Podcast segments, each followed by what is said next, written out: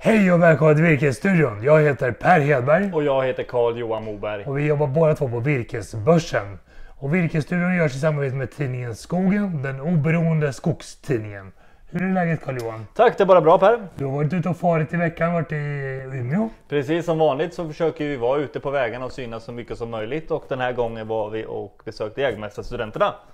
På deras märgträffen som är deras arbetsmarknadsdagar. Ja men precis. Vad har vi för iakttagelser från märgträffen? Nej men det vi kan säga är att det är ett väldigt stort intresse från studenterna att, att eh, lyssna på vad vi på Virkesbörsen gör. Ja, Även prata andra stora frågor, skogsbruk och digitalisering de bitarna också.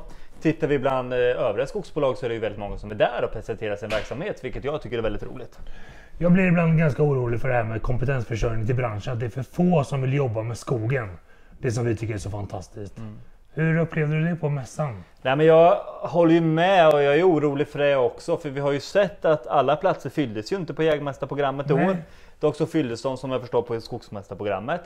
Eh, och det är klart att vi märkte att det var inte jättemånga studenter där under dagen. Det måste vara fler som går utbildningen som var på plats. Och det tycker Vilket jag... ansvar har vi i branschen för att göra branschen mer attraktiv tycker du? Ja, men vi har ett jätteansvar. För tittar man om man då har gått ut gymnasium och ska gå vidare då finns ju en uppsjö av utbildningar att göra. Ja. Och här finns ju väldigt stor konkurrens mot andra utbildningar. Så vi har ju ett ansvar att visa på att våran bransch är så extremt bred. Alltså Ja. du kan ju egentligen jobba med med, med biologi eller rent skogsbruk, praktiskt skogsbruk till liksom digitaliseringsfrågor och de här bitarna. Det finns ju en väldigt bredd inom skogsbranschen. Det tycker jag är kul att lyfta fram Oh, också. ja. Ja. Och det måste vi nog i branschen bli duktigare på att lyfta fram också. Vi måste bli ännu duktigare på det, Ja. helt klart.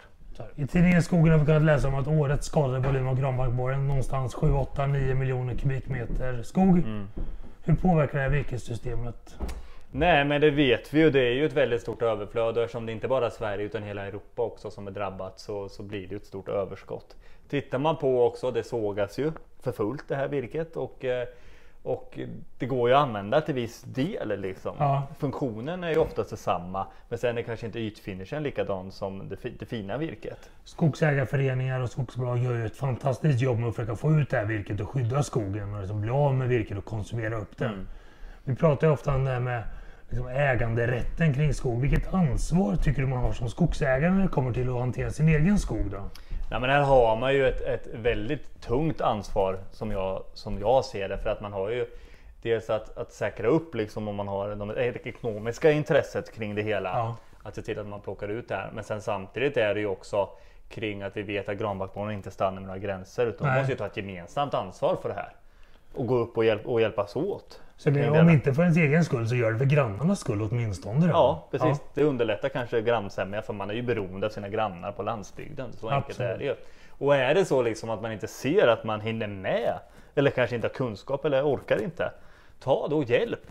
Ja, och var tycker du man kan hitta hjälp till att göra det här då? Ja, men vi har ju byggt en funktion som heter Skogsvårdstorget där man ska kunna ta, ta, ta, göra en förfrågan till att ta hjälp helt Ja. enkelt. Sen vi sände senast har vi lanserat ett helt nytt annonsflöde på Virkesbörsen också som är utvecklat av våra fantastiska utvecklare.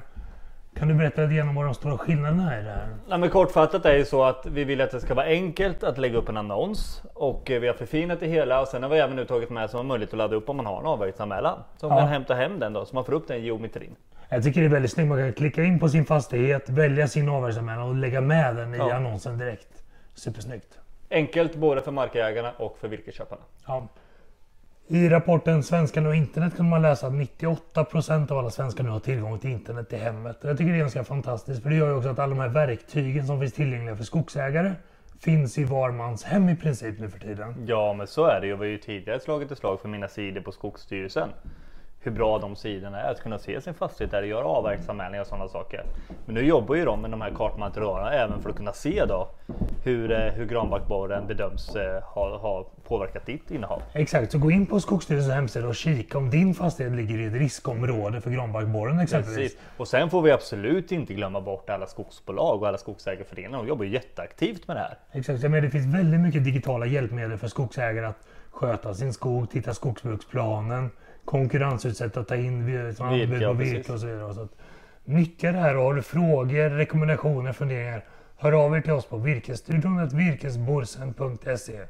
Och med det tycker jag vi tackar för oss idag Carl-Johan. Det gör vi. Tackar! Tack, hej!